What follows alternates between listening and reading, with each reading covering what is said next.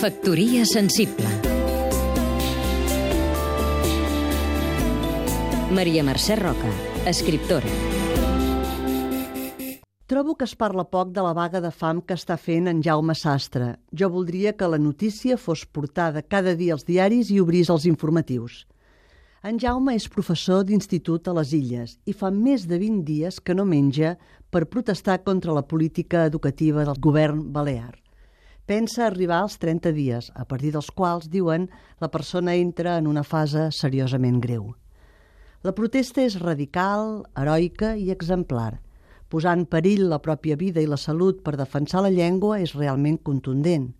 Però és que a les agressions, les vexacions, el desprestigi i els atacs que ha rebut els últims temps la llengua catalana a les illes, potser no s'hi pot fer front de cap altra manera.